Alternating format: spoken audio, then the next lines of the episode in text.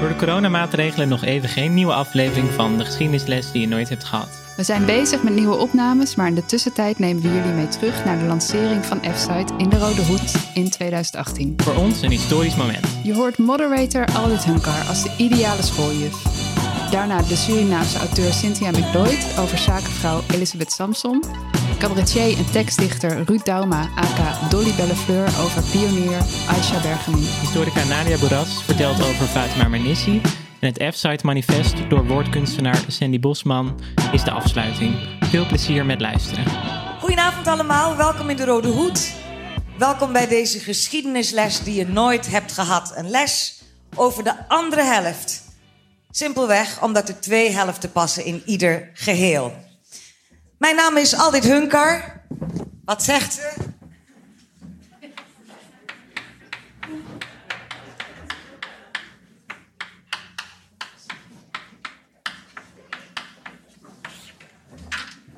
Aldit Hunkar. Dus niet hunker, niet dunker, niet punker, niet funker. Hunkar. En ik sta erop dat je het goed uitspreekt. Ik heb uh, bijna 25 jaar bij de omroep gewerkt. Daar kun je me nog van kennen. Het is wel lang geleden allemaal hoor. Ik heb heel veel bij de radio gezeten. Ik heb het jeugdjournaal gedaan, het gewone journaal. Een heleboel sociale en culturele... Oh ja, ik zie herkenning. Dan ben je zeker 26 of zoiets. Ja, dat zal het dan zijn. Maar goed, zoals gezegd, het is allemaal best wel lang geleden. Het is al 11 jaar dat ik mezelf Global Freestyle Multimedia Journalist noem. Ik ga het niet helemaal opschrijven. Global Freestyle Multimedia Journalist. Je moet iets een titel geven. Dit heb ik bedacht. En wat houdt het nou in? Nou ja, ik doe avonden als deze, als dagvoorzitter of als debatleider. Ik doe wel eens presentaties. Uh, ik maak audiovisuele producties. En heel af en toe, dat mag best meer. Er echt is heel veel vraag naar een beetje workshop van hoe presenteer ik nou. Daar kunt u zich bij mij melden. Ik kan u vast wel helpen. Vanavond, dan gaan we met z'n allen samen de geschiedenis induiken. En voor we beginnen even de belangrijkste regel op een rijtje. Eén regel, geen vragenrondes tussendoor. Want anders houdt het niet op deze avond. Dus noteer ze in je telefoon. Iedereen heeft zijn telefoon bij zich. Noteer je vragen en bewaar ze voor later bij de borrel. Het goede nieuws over die borrel is dat je eerste drankje al betaald is. Heb je zelf gedaan hoor, al lijkt het niet zo. Het is inbegrepen bij je ticket om vanavond hierbij te zijn. Dus één drankje heb je binnen. En verder tijdens die borrel zijn er een hele hoop boeken die te maken hebben met de thema's van vanavond of de mensen die we vanavond te horen krijgen. Dus kijk vooral even rond bij de boeken straks na afloop. Goed, geschiedenis. Dat is een op zich heel erg interessant fenomeen. Neem bijvoorbeeld het Engelse woord history. Het lijkt toch verdacht veel op his story. En als je de boeken erop naleest, is dat in de meeste gevallen ook zo. Hè? Heldendaden, reisavonturen, veldslagen, kunst, literatuur, uitvindingen. Staan allemaal mannennamen bij in de boeken. Alsof vrouwen niet de helft van de wereldbevolking zijn. Sterker nog, in best wel heel veel landen zijn er meer vrouwen dan mannen. Dus dat er iets moet gebeuren aan her story, de plaats van vrouwen in de geschiedenisboeken en in de lessen, dat mogen duidelijk zijn. Aan het einde van deze avond wordt uh, een nieuwe website gelanceerd, F-Site. En die is bedoeld als aanvulling op bestaand lesmateriaal. Ik praat dan ook met een van de oprichters straks aan het einde van de avond. En verder worden we vanavond getrakteerd op uh, spoken word gedicht over historische vrouwen. En we hebben een drietal gastdocenten bereid gevonden om ons allemaal bij te praten over welke rol de vrouw nou heeft in de geschiedenis. Het wordt dus een hele volle avond. En uh, nu iedereen nog fris en wakker is, totaal onaangekondigd, een interactieve proef. Ja, iedereen doet mee. Ik ga een paar vragen stellen. En dan gaan we kijken wat we nou eigenlijk wel of niet weten over vrouwen in de geschiedenis. Het is multiple choice, geen paniek. Hè? Je kunt je niet een verschrikkelijke buil vallen. Je hebt het hoogstens net verkeerd gegokt. Maar um, zoals gezegd, iedereen doet mee. Ik stel voor dat ik de vragen stel. En dan zeg ik, uh, als je denkt dat het A is, ga dan staan. En als je denkt dat het B is, ga dan staan. Snap je het? Let's just try. Vraag 1. Iedereen scherp? Ja? De kanon van de Nederlandse geschiedenis bestaat uit 50 vensters met de 50 belangrijkste gebeurtenissen en personen uit de Nederlandse geschiedenis. Dit allemaal volgens de lijst die in 2006 werd opgesteld in opdracht van de overheid. Van de 14 personen die uitgelicht zijn in de kano van Nederland, hoeveel zijn er vrouw? Antwoord A, dat zijn er drie. Antwoord B, het zijn er zeven. Als je denkt dat het er drie zijn, ga nu staan.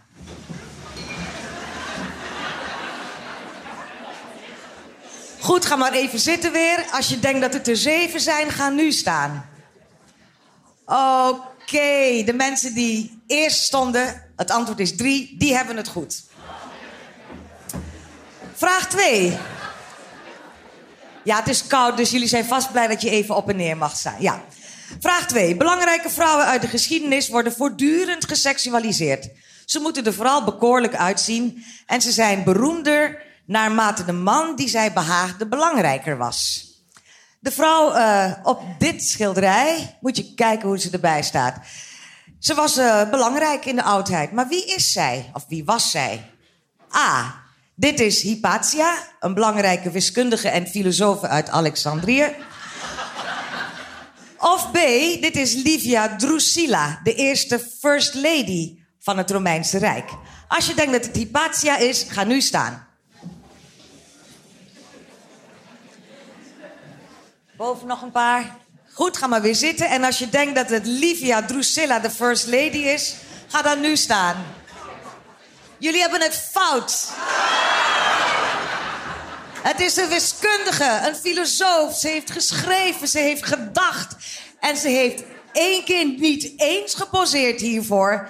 Dit is vast door een of andere MeToo-persoon uh, geschilderd. Gauw door met vraag drie. Islamitische feministe en socioloog Fatima Mernissi... die werd geboren in Fez in Marokko in 1940. Waar bracht zij de eerste jaren van haar leven door? Was dat A, in academische kringen als dochter van een beroemd filosoof? Of was het B, in de harem van haar grootmoeder, waar haar grootmoeder leefde als concubine? A, in die academische kringen, ga nu staan.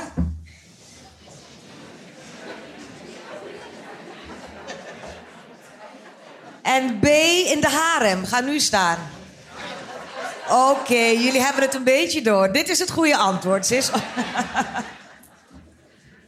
Vraag 4 die begint met een citaat. Als onderwijzer je de oren, ogen en de voeten van degene die niet kunnen lopen, horen of zien. Dat is hoe ik rechtstreeks in de politiek terecht ben gekomen. Einde citaat. Dit zei Maria Liberia Peters, een belangrijke politica uit de Nederlandse geschiedenis. Welke belangrijke titel heeft zij op haar naam? Is dat A, de eerste vrouwelijke premier binnen het Koninkrijk der Nederlanden? Of B, de eerste vrouw die binnen het Koninkrijk der Nederlanden een eigen politieke partij oprichtte? A, de eerste premier, ga nu staan. Ga maar weer zitten. En B, ze had dus haar eerste politieke partij.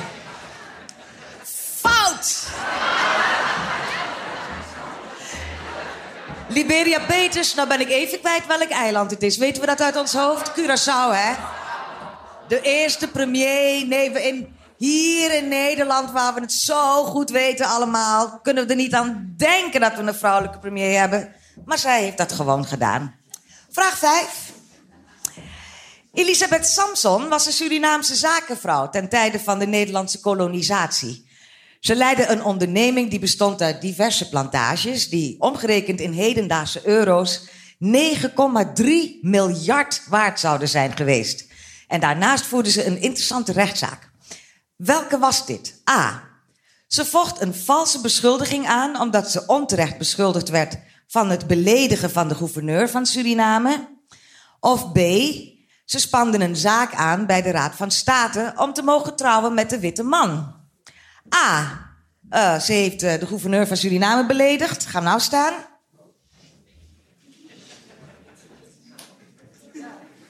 Ga maar weer zitten. En B. Uh, ze wilde trouwen met de witte man.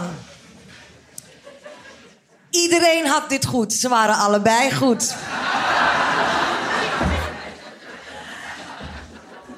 Komen jullie er al een beetje in? Heb je een beetje grip op de geschiedenis? Nee? Nog niet? Nog één vraag dan. En ook die begint met de citaat. Ik heb geen vagina op mijn voorhoofd, maar wel een paspoort waarin staat dat ik een vrouw ben. Jullie moeten me vanaf nu met rust laten. Einde citaat.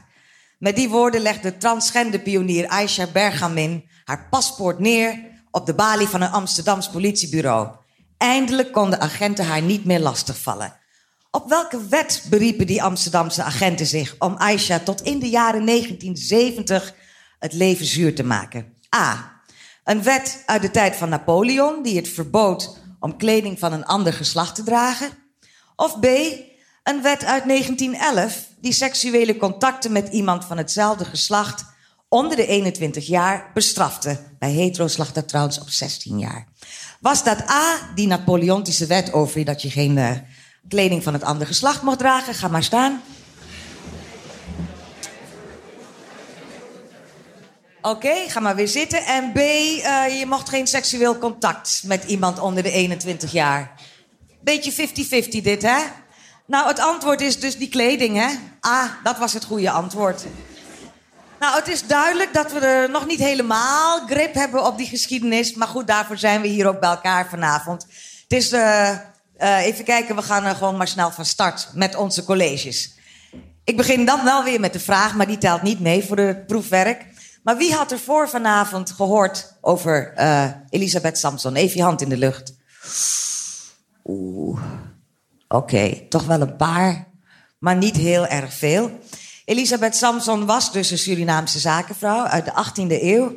Midden in de tijd dat Nederland de kolonia koloniale scepter zwaaide daar. Ze leidde een zeer lucratieve onderneming met onder andere plantages. Maar hoe ze dat deed, dat is de vraag. En dat horen we vanavond van een vooraanstaand schrijver en van historische romans. Iedereen kent haar Hoe duur was de suiker? Over het leven op een plantage in Suriname. Of haar boeken over Zenobia of over Tutuba. En verder organiseert onze gastdocent historische rondleidingen in Suriname. En ze wordt beschouwd als een van de meest gerespecteerde kennis, kenners van de Surinaamse geschiedenis. Tijd om meer te horen over het hoofdpersoon uit een ander boek van haar.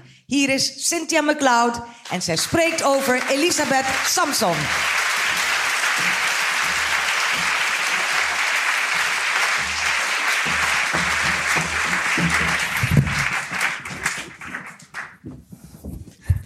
Ja, goedenavond. had eerst wat spreektaal, hè? Ja, even ja. wat spreektijd.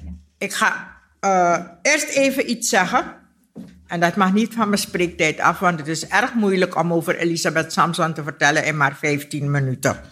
Dus dit mag niet van mijn spreektijd afgaan. Uh, ja, lieve mensen, u gaat tijdens mijn spreekbeurt gaat u horen dat ik het woord neger gebruik. Ik weet dat een heleboel mensen het woord neger niet gebruiken. Maar ik moet het wel gebruiken, want we gaan het hebben over de 18e eeuw, Suriname. En toen was het woord neger een gewoon algemeen aanvaard woord. En ik heb het ook nodig om bepaalde dingen uit te leggen. Dus vandaar, ik gebruik het woord neger. Ja, dus val me daarover niet aan. Ten tweede, ik ga het hebben over slaven. Ik weiger om te zeggen tot slaafgemaakte. Want ik ben een taalkundige. Dat is mijn echte beroep. Ik ben taalkundige. In het woord slaaf zit al dat je tot slaaf gemaakt bent. Niemand is als slaaf geboren. Waarom moet je dan zeggen slaaf gemaakt? We zeggen toch ook niet een voor dokter gestudeerde dokter? Of een tot onderwijzer opgeleide leerkracht, zeggen we dat? Nee. Dus daarom zeg ik niet tot slaafgemaakte, al zegt de hele wereld het, ik niet. Oké. Daarom. Nou, nou ga ik beginnen met Elisabeth Samson. Ja. Lieve mensen, de naam van Elisabeth Samson komt voor in alle grote historische werken over Suriname. Waarom? Omdat ze in 1764 wilde trouwen met een blanke man, witte man. Ze kreeg daarvoor geen toestemming in Suriname, omdat er in Suriname een plakkaat was, een wet, die dat verbood. Maar Elisabeth heeft een brief geschreven. Via haar zaakwaarnemer heeft ze een brief laten bezorgen bij, haar, bij de eigenaren van de kolonie, de directeur van de Sociëteit van Suriname. Toen het koloniaal gezag in Suriname hoorde dat ze een brief had gestuurd naar, naar de directeur van de sociëteit, hebben ze zich gehaast. Hebben ze ook een brief geschreven naar de directeur van de sociëteit, waarin ze uitvoerig uitlegde dat zo'n huwelijk verboden was en waarom dat huwelijk tussen blank en zwart voor eeuwig en altijd verboden moest blijven. Ze hadden 19 argumenten. Maar behalve deze 19 argumenten die allemaal tegen dat huwelijk waren, hadden ze, moesten ze toegeven dat er in dit geval, in dit ene specifieke geval van Elisabeth, was er toch wel één argument dat in het voordeel van het huwelijk sprak. En dat was het feit dat de vrouw zo rijk was. Ik citeer. Want hierdoor zal de rijkdom die de jongeling met de tijd zal verwerven, dan bij de blanken terechtkomen. En dat is goed. Want het is niet goed wanneer negers rijk, en goed rijk zijn en goed hebben, omdat dat aan onze slaven een idee kan geven dat ze hoog kunnen stijgeren als wij. Enzovoort, enzovoort. Dat is het citaat. De directeuren van de sociëteit kregen dus twee brieven. Eén van Elisabeth en één van het koloniaal gezag in Suriname.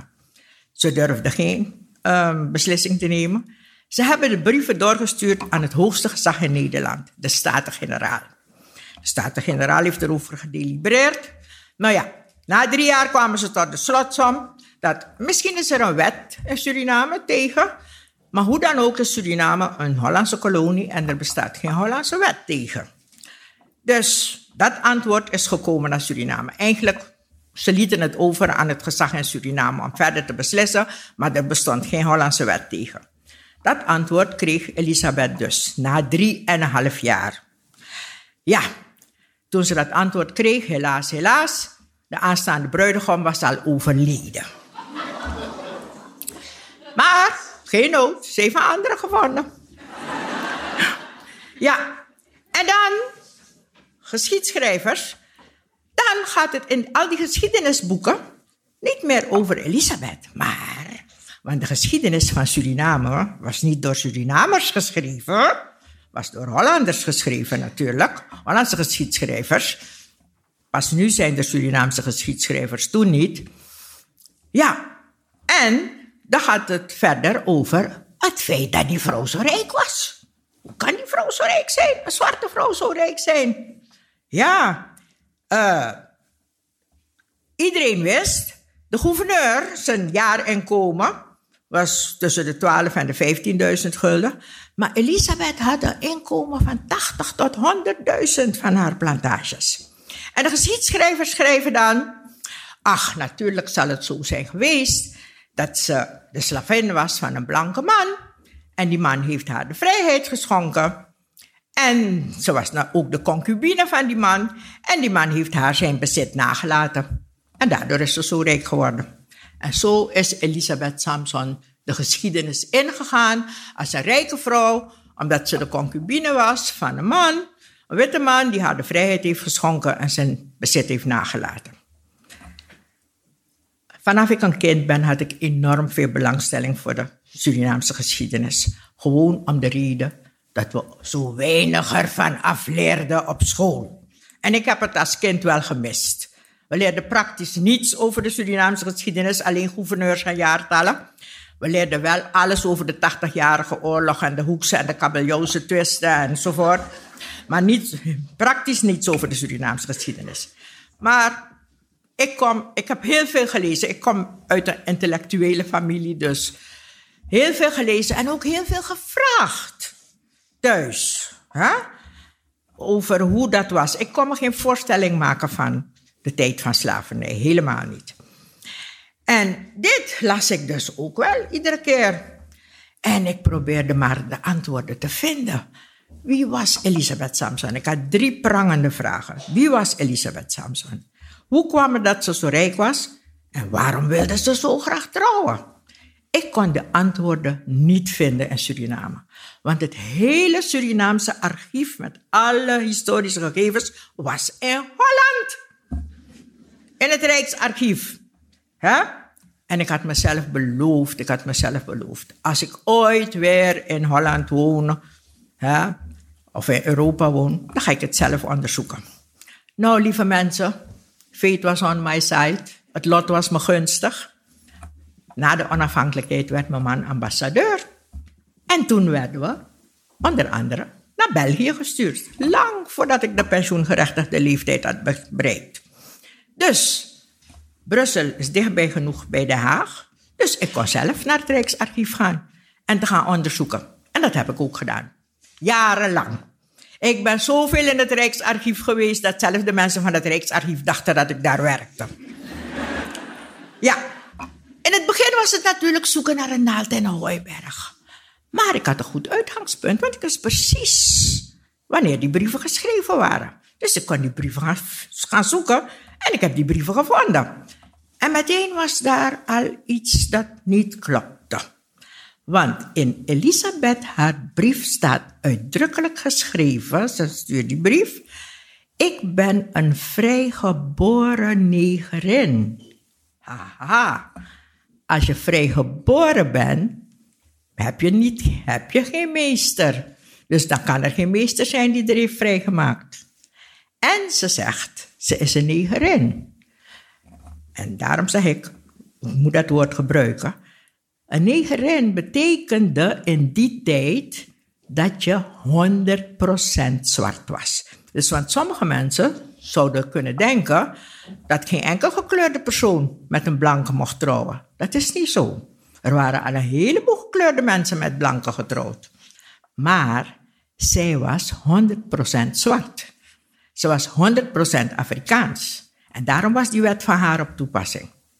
Dus, ja, ik ben een vrijgeboren negerin. Oké. Tweede ding dat ik ben gaan zoeken. Wat, is ze nou werkelijk getrouwd? Ja, ik heb de trouwakte gevonden.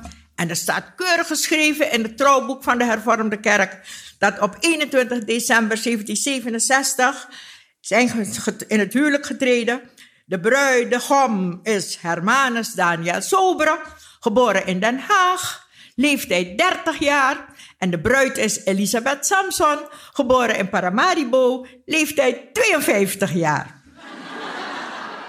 Dus ze was 22 jaar ouder dan die man. Dus ik begreep, haha, hier moet iets aan de hand zijn. Maar goed, uh, ik ben gaan zoeken. Ik heb gevonden. Ik heb materiaal gevonden. En na vier jaar kon ik al aantonen met feiten en documenten, stukken uit het archief, dat wat de geschiedschrijvers hadden geschreven absoluut fout was. Het vertelde ons niets over Elisabeth. Het vertelde ons wel iets over de geschiedschrijvers. Witte mannen. Die dachten dat als een zwarte vrouw rijk was, ze alleen maar rijk kon zijn omdat een witte man haar rijk gemaakt had. Ik kon het omgekeerde aantonen. Elisabeth Samson heeft blanke families rijk gemaakt.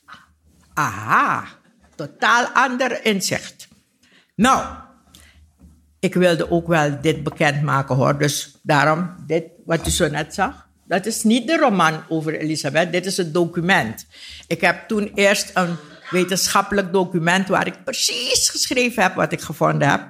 En daarna pas is de roman gekomen.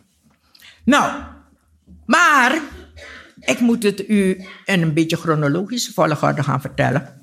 Want uh, dit wat gebeurde, wat is gebeurd, dat ze getrouwd is, is pas op het eind van haar leven gebeurd. Ja, een grote puzzel was toen ik die brief van haar vond. Ik ben een vrijgeboren Nigerin. Toen ik die trouwakte vond, werd mij duidelijk dat ze dus in 1717, in 1715 geboren moest zijn. Want ze was 52 jaar oud in 1767. En dat was een groot vraagteken.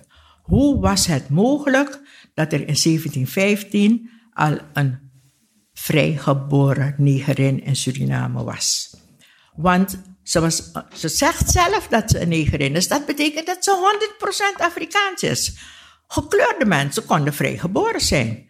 Als een in Suriname van die tijd, er waren veel meer blanke mannen dan blanke vrouwen. Dus vanaf het allervroegste begin hebben blanke mannen kinderen gekregen met zwarte vrouwen. Sommige van die kinderen waren gewoon de, slaaf, zijn slaaf gebleven. Maar sommige van die vaders hebben zich ook als keurige vaders gedragen. Hebben de kinderen vrijgemaakt. Hebben soms die moeder vrijgemaakt voordat het kind geboren werd. Maar zo'n kind is geen neger. Is een mulat. Maar zij schreef dat ze een negerin was. Dus dat betekende dat haar vader ook 100% Afrikaans was. Alle gradaties hadden namelijk namen in die tijd in Suriname. Nou, dat ik dat raadsel heb kunnen oplossen, is dankzij de mensen van het Rijksarchief. Want ik ben zulke goede vrienden geworden natuurlijk. Met, dat ze me stukken hebben laten zien die niet toegankelijk waren voor het publiek. Niet omdat ze geheimen hadden, maar omdat ze zo delicaat waren dat ze bijna uit elkaar vielen. En toen heb ik dus gezien wat er is gebeurd. Elisabeth Samson is inderdaad vrijgeboren. Just toevallig. Just. Hè? Occasionally. Heel toevallig. Waarom? Haar moeder, de moeder van Elisabeth, die had kinderen met een blanke man. En die kwam van Sint Kitts. Ze had twee kinderen met Jan van Zusteren. Zij zelf heette Nanu. En ze zijn naar Suriname gekomen in 1799. En Jan van Zuster is getrouwd. En heeft geen kinderen meer gekregen. Maar die moeder heeft nog wel andere kinderen gekregen. Nog vijf andere kinderen. En die man, Jan van Susteren ging dood in 1712. En Jan van Susteren liet in zijn testament achter dat, ook met geld natuurlijk, dat zijn twee mulatte kinderen, Charlot en Maria, die bij hem in huis woonden, die moesten vrij worden. En hun moeder, Nano. En dat is ook gebeurd in 1713. En Nano heette vanaf toen Mariana. En Mariana heeft na twee jaar in 1715 nog een kind gehad. En daarvan was die vader duidelijk een zwarte man. En zo is Elisabeth per ongeluk vrijgeboren. Die zus, Maria, zij was een mulatin, zij kon dus trouwen. Dus direct nadat ze vrij geworden is, is ze getrouwd. Met een hele rijke Zwitser met een grote plantage. Ik denk dat die man een heleboel jaren ouder was dan zij. Die man is gelukkig gauw dood gegaan. En toen was zij zelf natuurlijk de eigenares van die grote plantage, Salzhallen. En uh, ze nam ook mensen in huis die naar Suriname kwamen en geen logeeradres hadden. Dat was de gewoonte. En zo is er een Duitse legerkapitein naar Suriname gekomen. En die heeft, is bij haar gaan inwonen. Hm. Heeft kamers gehuurd, maar ja, het heeft niet lang geduurd, want hij is met haar getrouwd. Ja? En deze Maria was 16 jaar ouder dan Elisabeth. En zij heeft dit, dit echtpaar heeft dit kind opgevoed. En ik heb de doopakte van Elisabeth gevonden. Elisabeth was vrijgeboren dus ze moest ook gedoopt worden. Dat was een regel in Suriname. Oh, het zat vol plakaten hoor, allemaal wetten. Slaven mochten geen christenen worden, maar zodra een slaaf vrij werd, moest hij christen worden.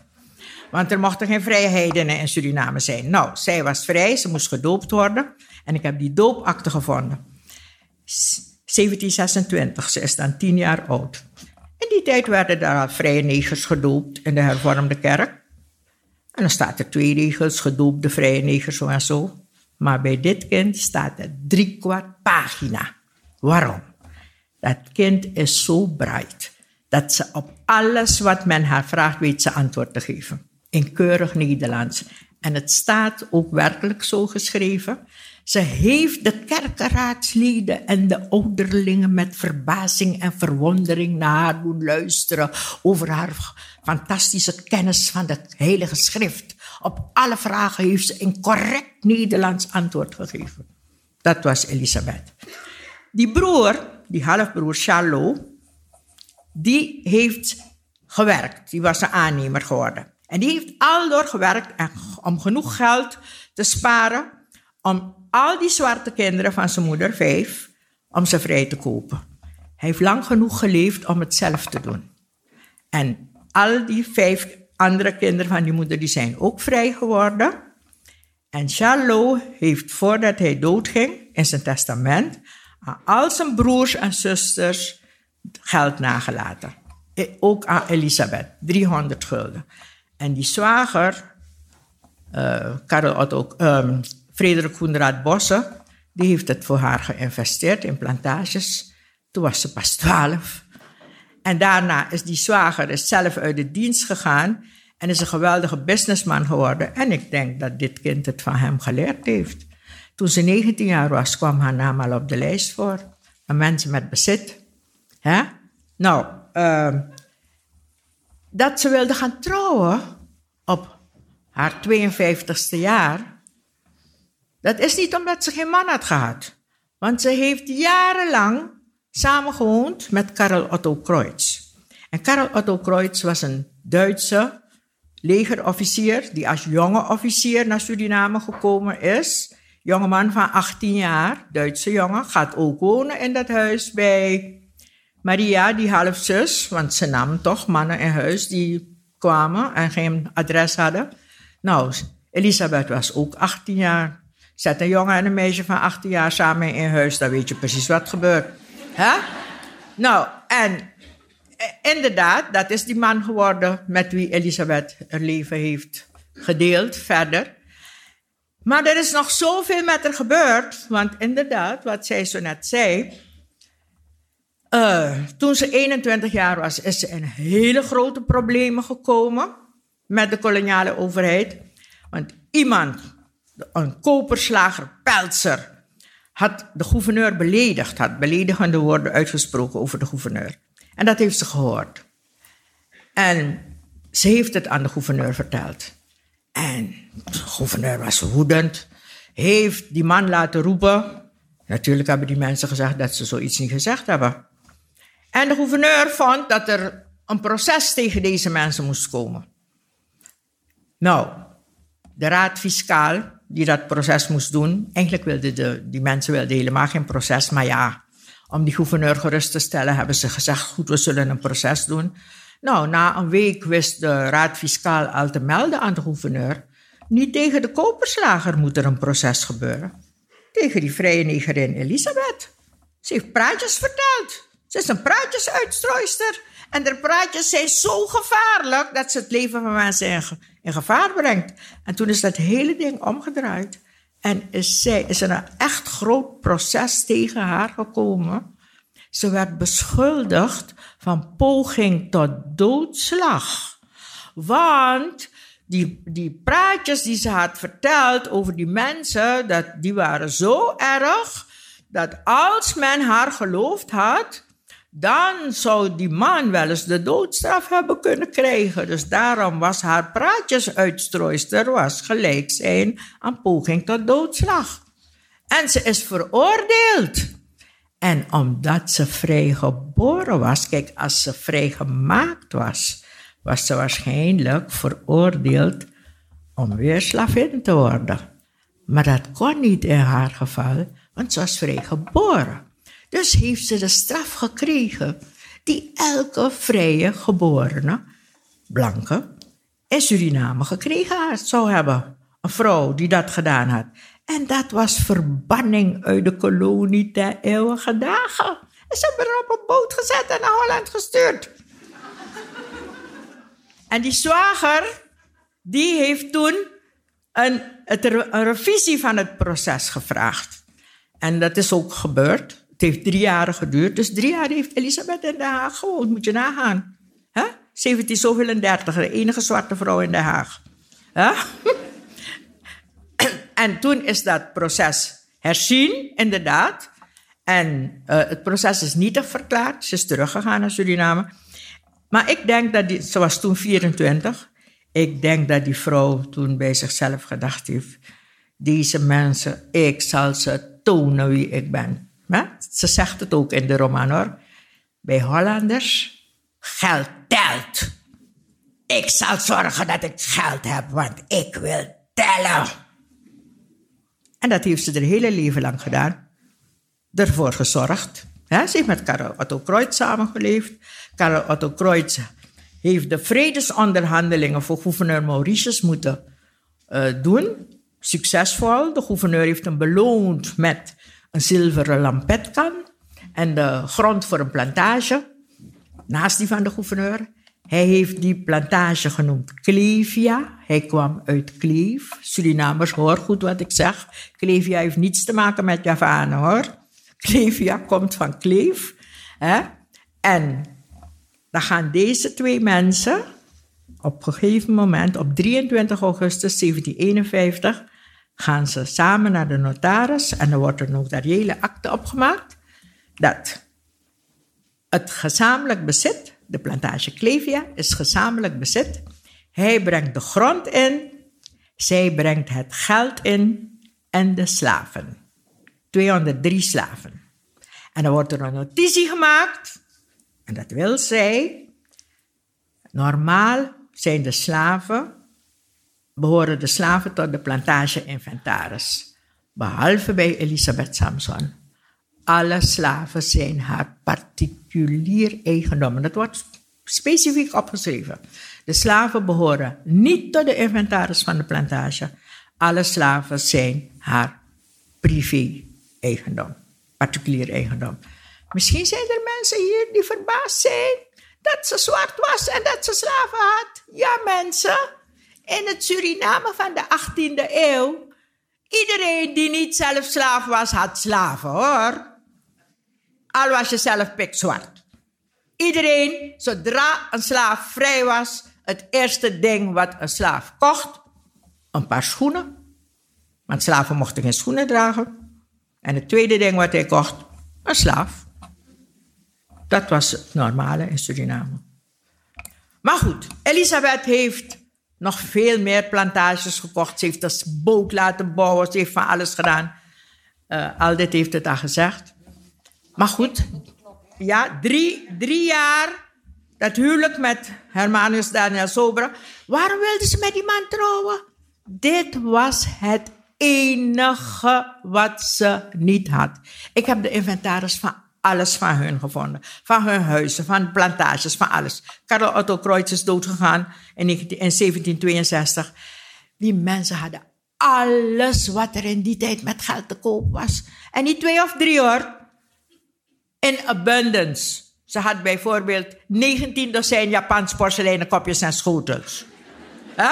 Alles, alles zijn overvloed. Het enige wat ze niet had, was de status van gehuwde vrouw. En ze hield van Karel Otto Kreutz. Ze heeft hem niet verveeld. Misschien heeft ze hem wel verveeld. Misschien heeft ze elke dag gezegd, laten we trouwen. En heeft hij tegen haar gezegd, maar schatje, je weet toch dat het niet kan? Ja? Maar toen hij dood was, heeft ze gedacht, en nou ga ik trouwen. En de eerste de beste man. Echt de eerste de beste. Ja? Ik zeg het altijd, als ze met een paard had kunnen trouwen, was ze met een paard getrouwd. Maar goed, hè?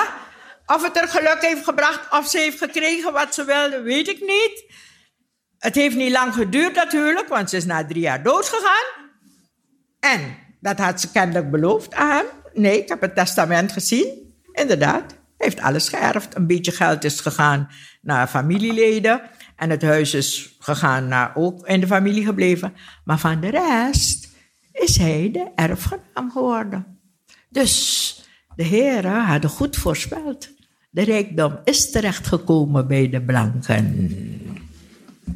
Oké, okay, tot hier. Cynthia McLeod. Mevrouw McLeod, komt u nog even.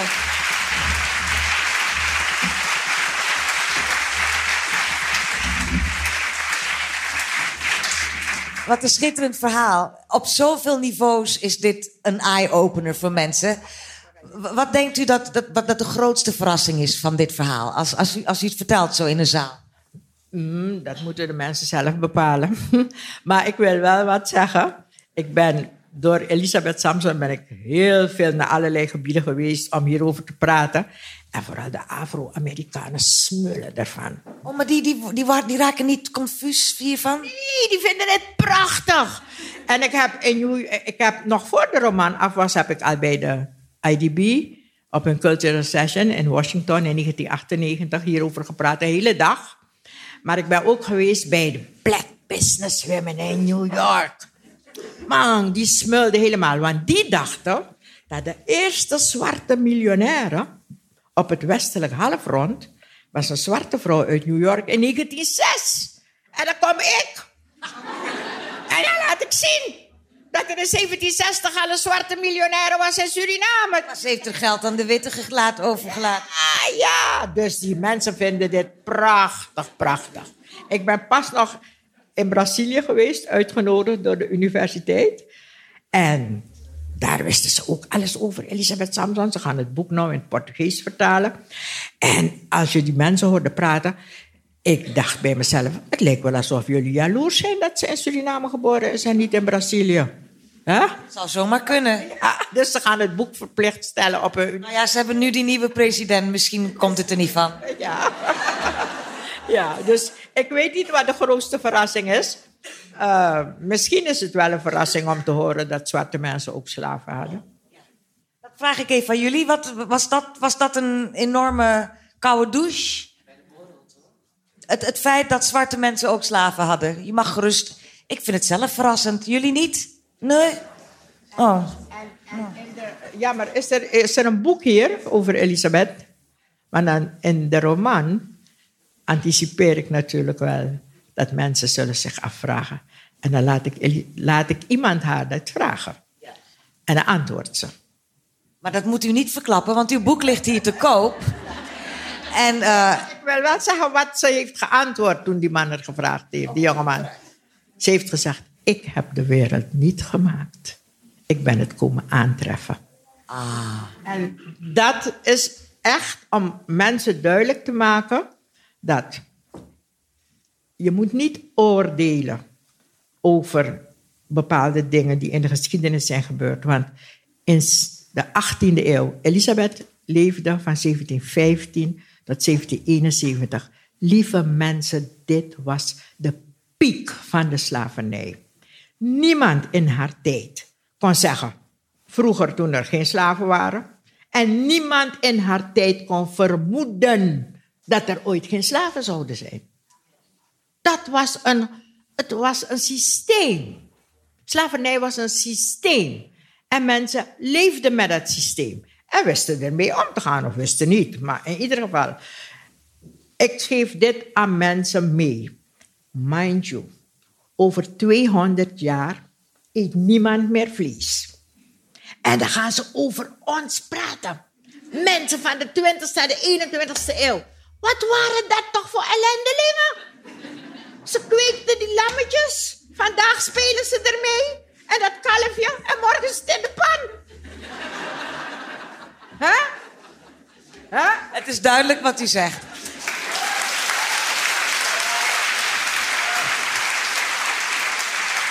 En dankzij u en het boek dat u geschreven hebt over Elisabeth Samson, heeft ze nu een officiële plaats in de geschiedenis. Officiële plaats in de geschiedenis. En uh, nog veel meer. Het Rijksmuseum gaat in 2020 een tentoonstelling geven over slavernij. En zij gaan het verhaal van de slavernij vertellen aan de hand van het levensverhaal van vijf historische figuren. En één van die historische figuren is Elisabeth Samson. Dus dan zien we u tegen die tijd weer terug. Hartelijk dank, Cynthia McLeod.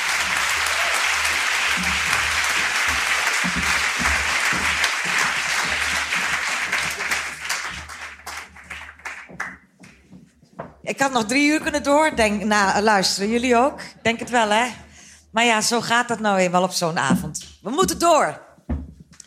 Cabaretier en tekstdichter Ruud Dauma die geeft gestalte aan een vrouw die al bijna 30 jaar betrokken is bij mensenrechten in het algemeen en die van LHBT'ers in het bijzonder.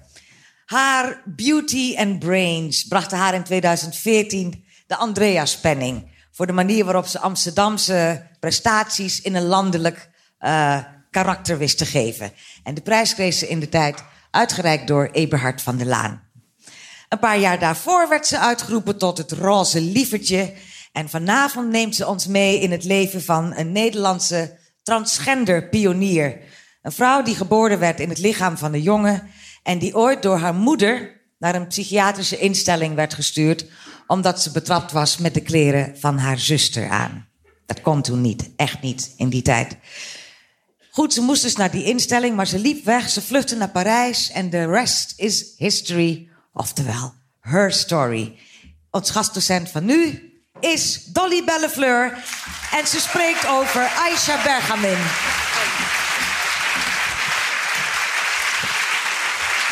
Ehm, ja. Het hart uh, bonst echt in mijn keel. Ik voel me ook altijd in dit soort gezelschappen een soort vreemde eend in de bijt. Ik zie zoveel vrouwen. ik herinner me de allereerste keer dat ik optrad uh, op Vrouwendag in Haarlem. Tegenwoordig kan dat, maar dat was toen niet een onverdeeld succes. Hopelijk gaat het vandaag beter. Uh, ik heb mijn verhaal ook niet uh, uit mijn hoofd, uh, zoals u dat zo prachtig doet. Ik heb het uitgeprint in letterpunt 124. ik zou het ook aan iemand dan u in de zaal kunnen vragen of u het wil vasthouden. en dan zou ik het kunnen lezen. Ik moet namelijk eigenlijk een leesbril. Maar elke keer stel ik dat uit. gisteren was het precies 29 jaar geleden dat ik in het Antoni Theater op de Oude Zijds Voorburgwal in Amsterdam debuteerde als uh, Dolly Bellefleur. En een van mijn eerste uh, theatershows al daar was uh, getiteld Dolly Bellefleur's Service Salon. En het was een parodie op de in die tijd zeer populaire libellenachtige prietpraatprogramma's voor vrouwen met titels als Bellefleur en Afro Service Salon. Zeer luchtige en zware onderwerpen werden hier in rap tempo afgewisseld. En zo ook in Dolly Bellefleur's Service Salon. In mijn openingslied zong ik met een zwaar uh, aangezet Duits accent en een grote snik in mijn stem om aan te geven hoe zwaar ik het wel niet had uh, in mijn leven. Ze zeggen dat ik zou huilen moeten, huilen van verdriet. Want ik trek graag een jurkje aan, ik ben ja travestiet. Ja, nou om te vervolgen. Psychiaters, dokters in medisch literatuur. Ze raden me vroeger één ding aan, dat is ontwenningskuur. Maar stel je toch voor dat ik dat toen echt zou hebben gedaan. Dan zou ik hier vanavond niet hebben gestaan. ja, achteraf was het op zijn zachts uitgedrukt niet erg handig dat ik toen in die setting van parodie op een prietpraatprogramma ook Aisha Bergamin heb uitgenodigd om te praten over haar leven dat zich voor een groot deel in de buurt van het Antoni-theater op de Wallen had afgespeeld. Ik stelde haar serieuze vragen, maar ze had toch het gevoel dat ik haar niet serieus nam. Ze had het gevoel dat vrouwen zoals, zoals ik de spot dreven met vrouwen zoals zij. En hoewel was afgesproken dat ze twee avonden te gast zou zijn, kwam ze de volgende avond niet meer opdagen. Ik heb haar nog één keer thuis opgezocht en toen zijn we elkaar uit het oog verloren. Toen historicus Alex Bakker in 2014, dat was 25 jaar later, mij vertelde dat Aisha Bergamin van gemeentewegen was begraven in een anoniem graf, ben ik met hem een inzamelingsactie begonnen. En mijn jeugdzonde in dat Antoni-theater waarover ik eerder sprak, zal zeker in mijn achterhoofd een rol hebben gespeeld om me extra met hart en ziel in te zetten voor deze transgender pionier die haar hele leven heeft geknokt. Een ware heldin, heldin die gelukkig door deze crowdfundingsactie niet meer rust onder een anoniem graf met slechts een nummer, maar onder een glimmend kunstwerk van glas met daarop in sierlijke letters haar naam, Aisha Bergamin. Ja, wie was Aisha Bergamin? Er is eigenlijk al best veel, veel uh, verteld, maar dus er zullen wat kleine overlappingen zijn. Haar turbulente leven in een notendop. Aisha Bergamin werd in 1932 geboren als een jongen, maar voelde zich altijd al vrouw. Ze was in het verkeerde lichaam geboren, of, dat vind ik eigenlijk nog beter geformuleerd, ze zat in een verkeerd lichaam gevangen. Zoals ze zelf zei in een interview, de binnenkant combineerde niet met de buitenkant. Of nog plastischer door haar uitgedrukt, ik was een schoonheidsfoutje, een vrouw met een penis. Maar wel een schoonheidsfoutje waaraan ze haar hele leven zou worden herinnerd. Tot grote ergernis van Aisha Bergamin, ik citeer. Als ik vroeger een bochel had gehad en die was weggehaald door een plastisch chirurg, dan zou ik toch ook niet bij iedere ontmoeting vertellen: Ja, ik zie er nu wel beeldig uit. Maar weet je dat ik vroeger een bochel had? Als 17-jarige, we hebben het dan over 1949, ging Aisha al in de kleding van haar zus dansend door Amsterdam. En toen, ik heb een ander verhaal dan jij, toen haar moeder haar in die tijd in bed betrapte met een danser uit Jamaica, werd ze gedwongen opgenomen in een psychiatrische instelling. Homofiel met een trauma. Dat was de diagnose die de psychiater stelde die haar insloot in Heilo. Tot in de jaren zeventig hadden transseksuelen die te maken kregen met psychiaters weinig goeds van hen te verwachten. Transseksualiteit stond officieel te boek als een monosymptomatische psychose. En die moest, ja, er werd gewerkt met elektroshocks en met eindeloze therapieën. En de overtuiging tot het andere geslacht te behoren moest uit het hoofd van de patiënt worden gepraat. Het was eigenlijk de bedoeling dat Aisha tot haar 21ste zou vastzitten in deze psychiatrische instelling. Maar ze wist te ontsnappen en ze vluchtte naar Parijs. Ze vond werk als danseres in nachtclubs en zong liederen als Ich bin von Kopf bis Fuß auf Liebe eingestellt, Into Each Life Some Rain Must Fall. Nou, slagregenen zou het in haar leven en La Vie en Rose van Edith Piaf. Ik citeer Aisha. Tussen de andere transseksuelen die in Parijs als vrouw leefden, ontdekte ik wie ik was. Ik heb me opgemaakt, mijn haar opgestoken, mijn wenkbrauwen geëpileerd. Mijn ziel kwam naar buiten. Ik heb me nooit meer afgeswind. Hoewel ze volop genoot van het Franse nachtleven, keerde ze na haar twintigste, dat was begin jaren 50, terug naar Amsterdam en ze ging aan de slag als uh, prostituee en hoerenmadam op de Wallen. Een reguliere baan zat er voor haar en andere transen, zo werden transseksuelen in die tijd ook wel genoemd, een reguliere baan in die tijd zat er niet in. Ik citeer, ik kon nergens werk vinden in Amsterdam. Een normale baan was sowieso uitgesloten om wie ik was en hoe ik eruit zag. Mijn probleem was dat er hier geen cabaretclub was.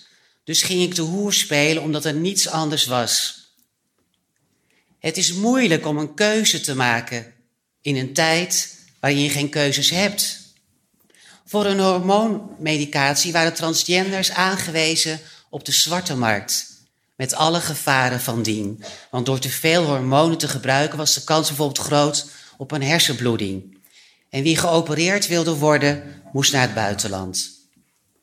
De maatschappij was bikkelhard voor vrouwen zoals Aisha. Ze werd samen met andere transgender vrouwen voortdurend door de politie lastiggevallen, vernederd en bespot. En dat kwam al door de eerder vanavond uh, genoemde gemeentelijke verordening uit de tijd van Napoleon, die het verbood om in het openbaar te verschijnen in de kleding van de anderen kunnen. Ik citeer: Ik werd dan op straat opgepakt en meegenomen door de politie. Met mijn handen op mijn rug geboeid en dan werd ik ontkleed in de wachtkamer van de politie. Waar allerlei mensen en ook politiemensen omheen stonden. Mijn slipje en mijn BH werden afgenomen. Ze lachten me uit. Kijk eens, ze heeft tieten. Lachen, joelen en voetballen met mijn BH. Vervolgens moest ik een drenkelingenpak aantrekken. Ik werd naar huis gebracht en moest dan onderaan de trap die drenkelingenpak uittrekken en naakt de trap oplopen naar de etage waar ik woonde. Zweet liep over mijn lichaam van afgrijs en angst dat ze dat ding zouden zien. Als gevolg van deze vele pesterijen pleegde een groot aantal van Aisha's vriendinnen zelfs zelfmoord. Aan het begin van de jaren zeventig kwam de bevrijding.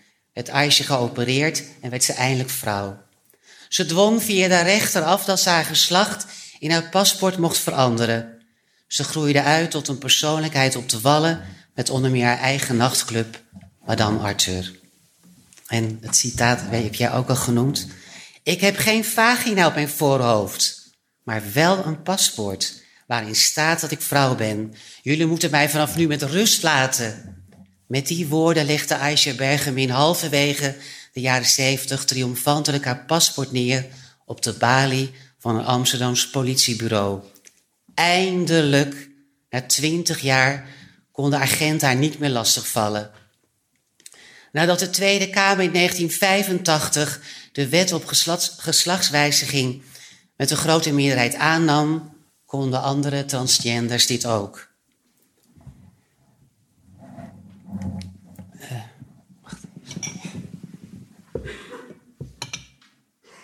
je hoopt dan dat er een man op staat die dat voor je doet.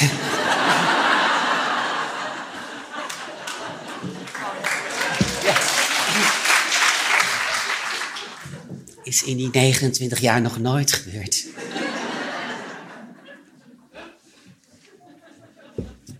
En ik vrees dat als het gebeurt, dat ik het afsla.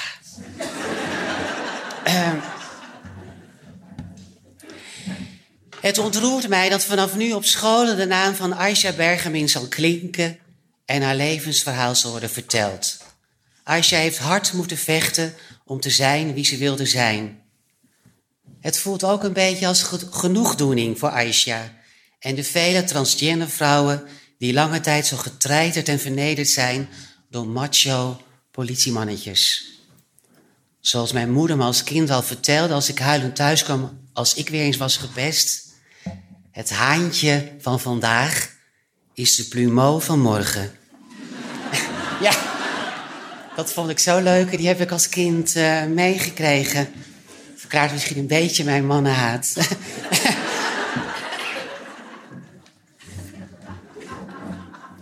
Ik ben lesbisch, mocht u er naar gissen.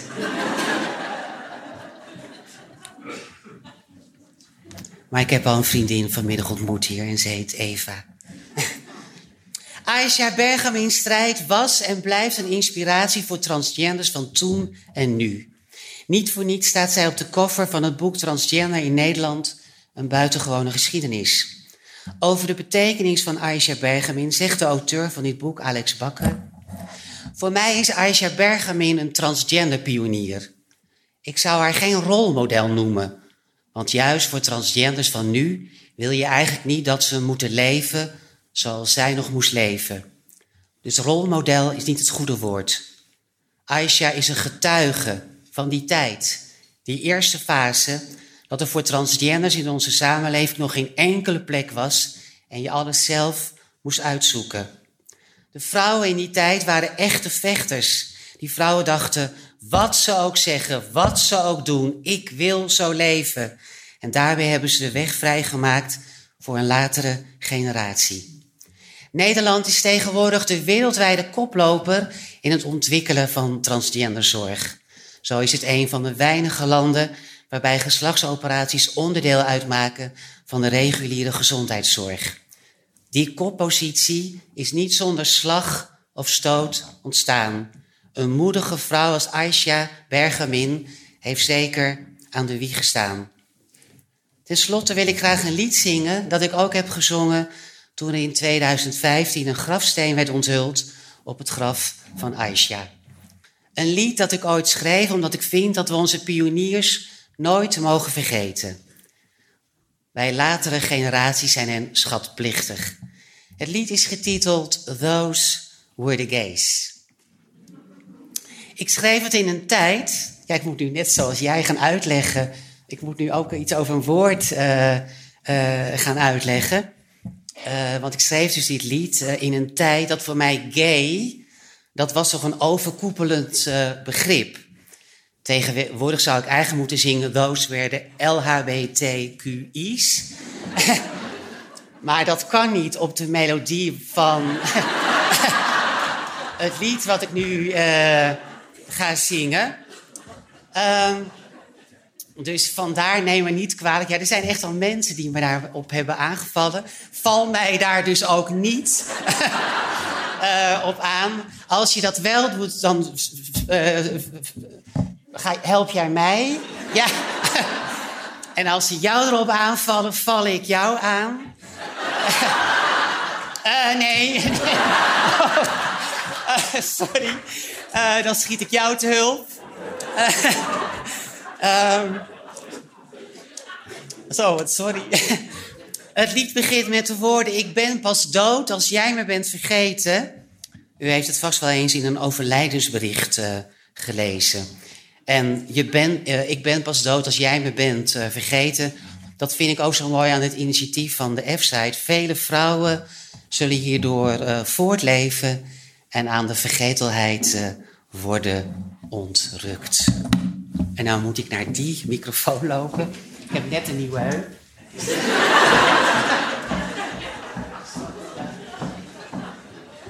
kan ik eigenlijk ook al niet meer zeggen, want ik treed tegenwoordig ook, ja, het zal de leeftijd zijn, uh, heel veel op in verzorgingshuizen.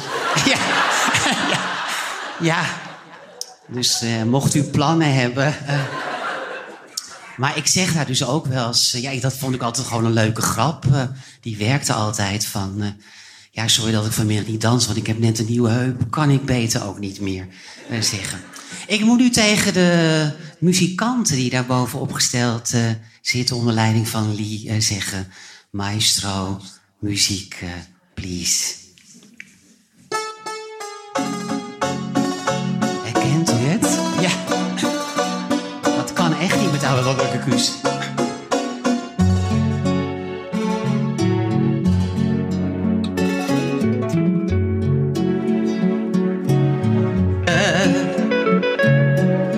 Bulderde de homo-activist die roze makker moest eens weten hoe snel zijn levenswerk is uitgewist. Ik ben pas dood als jij me bent vergeten. Jubelde de trava in haar kist. Ach, die arme stakker moest eens weten dat er echt geen hond is die haar mist. Those were the gays, my friend. Ze streden ooit vervent tegen taboes en truttige clichés. Maar na hun glorietijd volgde vergetelheid. Those were the gays. Oh yes, those were the gays. Ze werden vaak voor abnormaal versleten. Beticht van vuile sodomieterij. Opgejaagd en gruwelijk dwars gezeten. Door een hypocriete burgerij. Ze lieten zich niet kisten zeker weten ze brachten leven in de brouwerij. Ze bleven vechten tegen beter weten. Voor een plek in onze maatschappij. Those were the gays, my friend. Ze streden ooit vervent tegen taboes en truttige clichés. Met hun gedrevenheid hebben ze ons bevrijd. Those were the gays. Oh yes, those were the gays.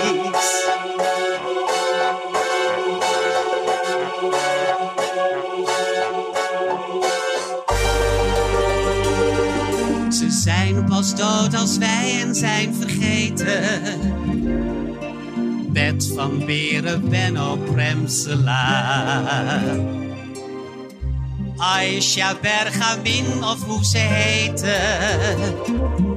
Ik buig voor jullie diep en zing hoera. Ik kan niet verder, sorry. Those were the gays, my friend. Ze streden ooit vervent tegen taboes en truttige clichés. Maar na hun glorietijd volgde vergetelheid. Those were the gays. Oh yes, those were the gays. La la la, la la la, la la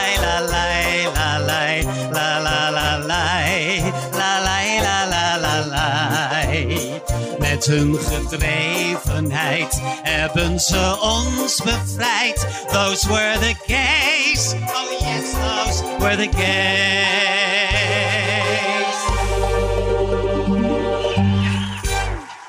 Dankjewel. Hè? Dankjewel. Kom er even bij zitten, Ja. Dolly. Dolly Bellefleur. Dank u. Oh, Met de mooiste benen van Nederland. ja, ja. Ja. Je bent eigenlijk de eerste die dat zegt. Oh, echt waar? Ja. De mensen kijken niet goed uit hun ogen. Nee, het is op een gegeven moment het is heel erg leuk om altijd complimenten te krijgen. Maar je hebt ook wel eens bijvoorbeeld een eh, theatershow eh, gedaan. En dan heb je ja, iets volgens jouw eh, gevoel heel goed gedaan. en dan zegt niemand iets. En nee, dan komt iemand op je af en die zegt dan... Oh, ik zou je zo graag iets willen zeggen. En dan, ja hoor, dan komt het weer. Wat heb je toch mooie benen. Ja, ja, ja. Maar je hebt gewoon mooie Ja, benen. ik zeg wel eens, ik ben van top tot teen enkel alleen maar been eigenlijk. Ja, Je moest dus weten hoeveel er jaloers op je Ja. zijn. Zeg, je hebt het even, je hebt het even aangestipt. In, in Amsterdam hebben we, hebben we die, die, ik noem het maar even de genderpolie om het, eh, Ja. om het, om het makkelijk te houden. Ehm, is daarmee de situatie van transgenders in Nederland, Europa, de wereld gewoon verbeterd? Is het klaar? Eh, het is verbeterd, maar het blijft nog steeds eh, ja, heel moeilijk voor, eh, voor transgenders om gewoon hun plek te vinden. Ik ken bijvoorbeeld iemand die reageerde heel erg op al die hormoonkuur. Die, die had een hele rare allergie. waardoor ze haar haar kwijt raakte. Ze kon, ja, ja, sorry van het verhaal. Maar je, je komt nog steeds heel erg dingen tegen. En die vrouw bijvoorbeeld kon dan ook niet via de reguliere eh, zorg. eh, ja, ze kon wel een pruik krijgen, maar dat was dan een soort ziekenfonds eh, pruikje. Eh, Niet, niet zoals wat jij... Nee, daar was het. eh, zij moest een pruik hebben die totaal eh, onbewerkt, van onbewerkt haar was. Ja. Eh, er zijn nog steeds eh, gevallen. het is natuurlijk goed eh, geregeld, maar er zijn ook al eh, eh, wachtlijsten. Dus het is niet allemaal.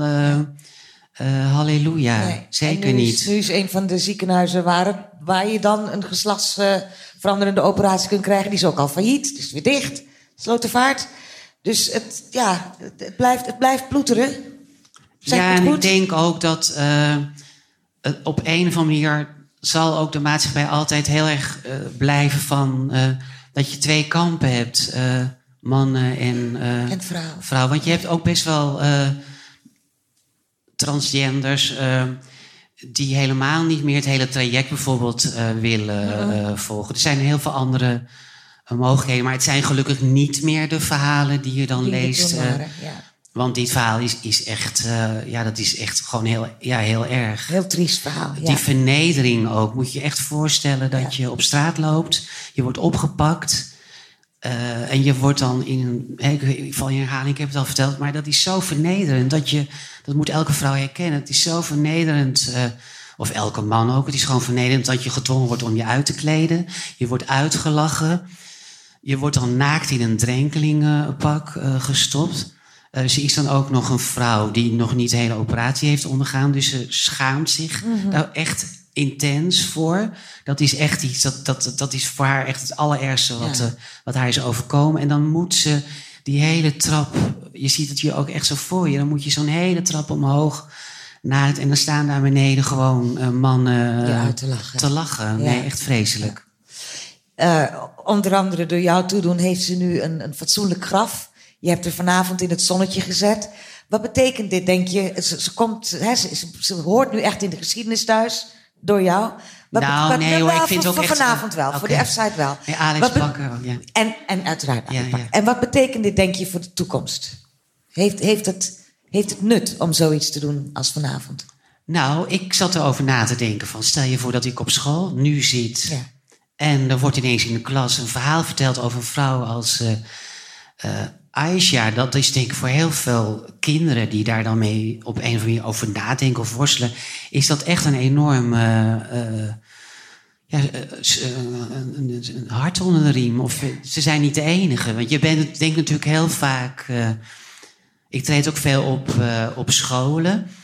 En dan merk ik ook nog steeds dat het natuurlijk toch. er zijn altijd weer jongeren die dan met die problematiek uh, te maken krijgen. En dan is het altijd toch weer lastig om dat meteen thuis te vertellen. Of, maar als het in een les uh, al op deze manier uh, behandeld zou worden, ja, dat zou ik echt fantastisch vinden als dat het gevolg is van, van deze avond. Ja, dat zou ik echt fantastisch vinden. We hopen het met je. Ontzettend bedankt. Ja, heel Nogmaals, Dolly Belfleur.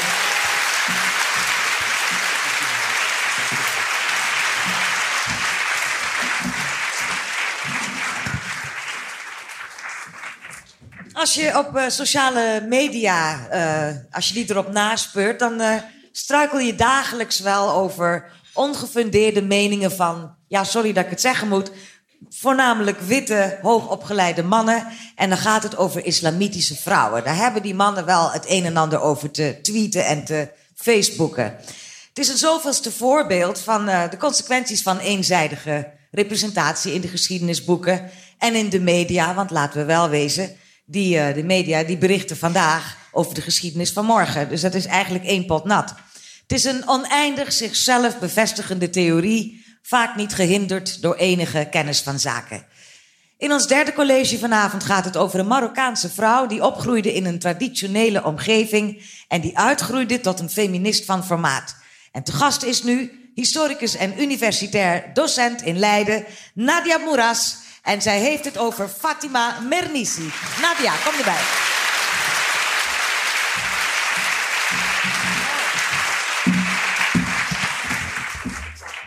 Ja, graag. Um, ja, ja. en die, de microfoon moest ook omlaag. Ik heb niet van die prachtige lange benen.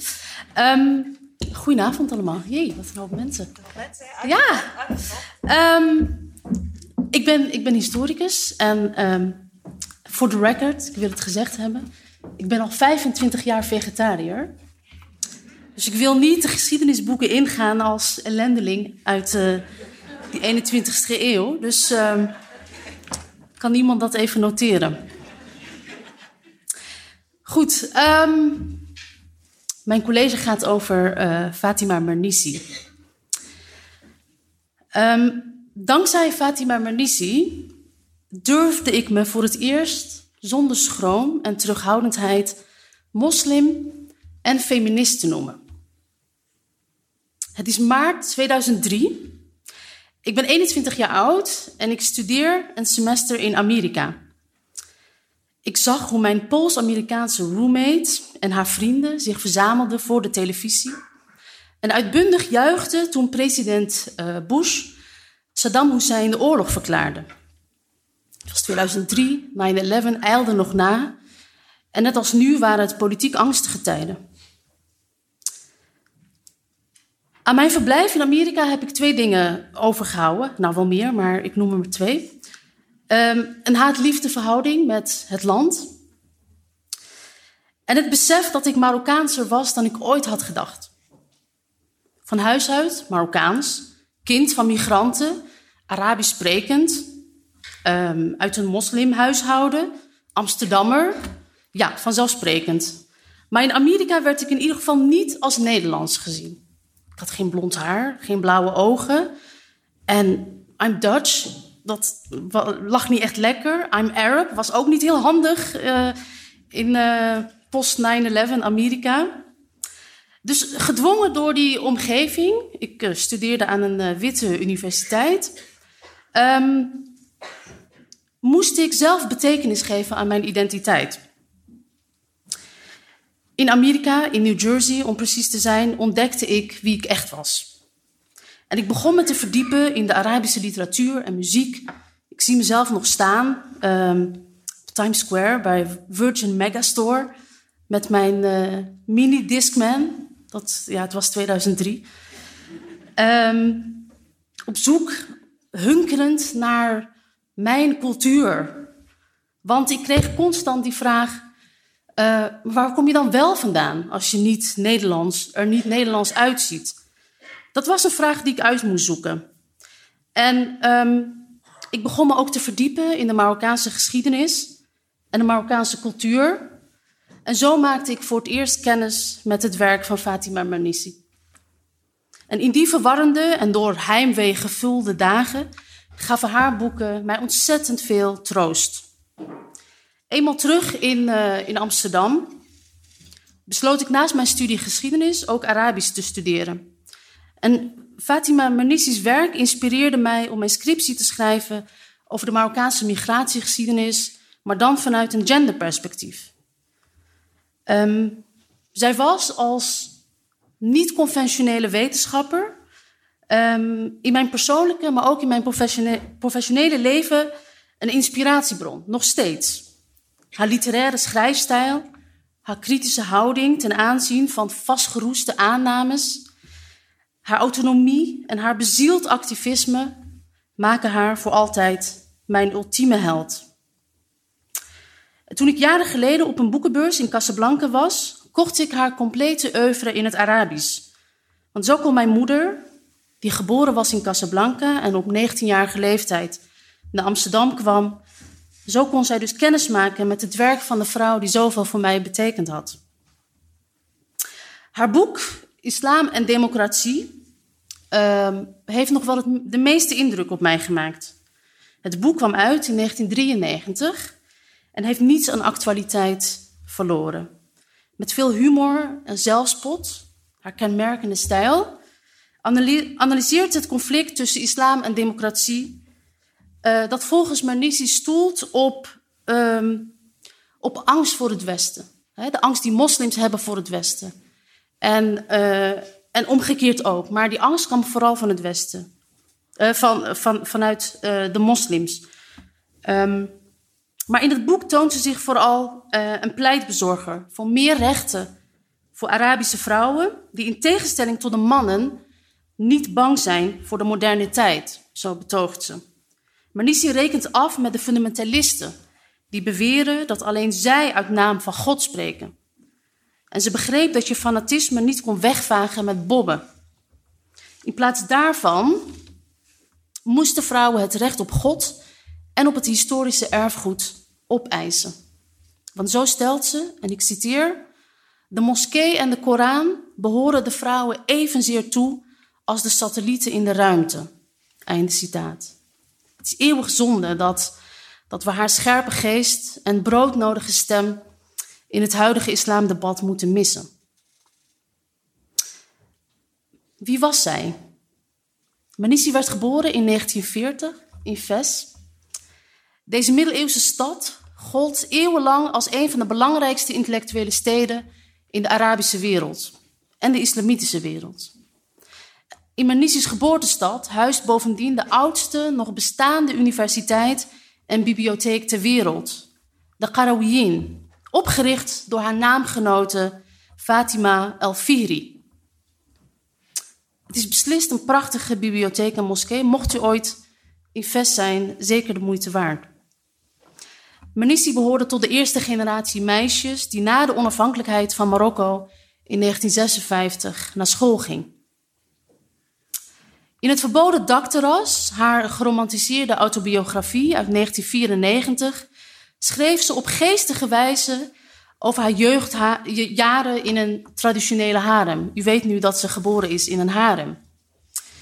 Um, in de Medina, met haar kronkelige en smalle steegjes, waar ze woonde met haar grote familie, heerste een gezellige chaos. Een groot contrast met de wereld daarbuiten, waar de Fransen een nieuwe stad bouwden met rustige, brede en rechte boulevards. De islamitische wereld en het Westen lagen zo dicht bij elkaar, maar tegelijkertijd was de ideologische afstand enorm.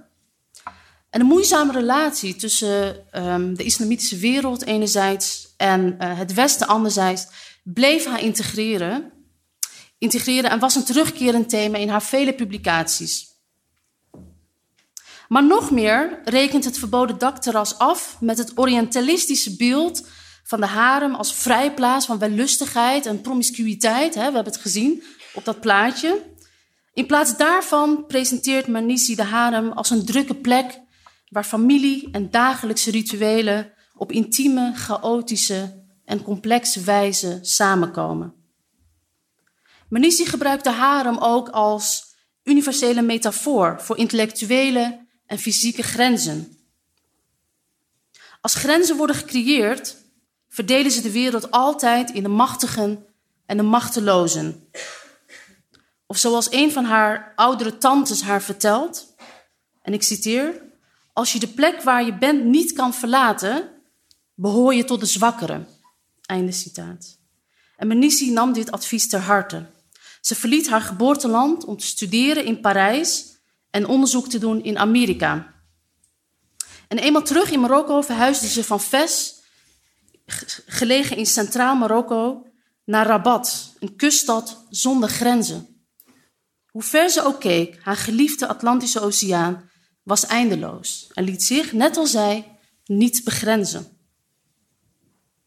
Manisi's complete werk is gewijd aan een kritische herziening van grenzen. Opgelegde grenzen, hè, die vanuit het patriarchale islamitische uh, uh, vertoog en het westerse orientalistische discours dat misogyn geweld en uh, koloniale oorlogen rechtvaardigt.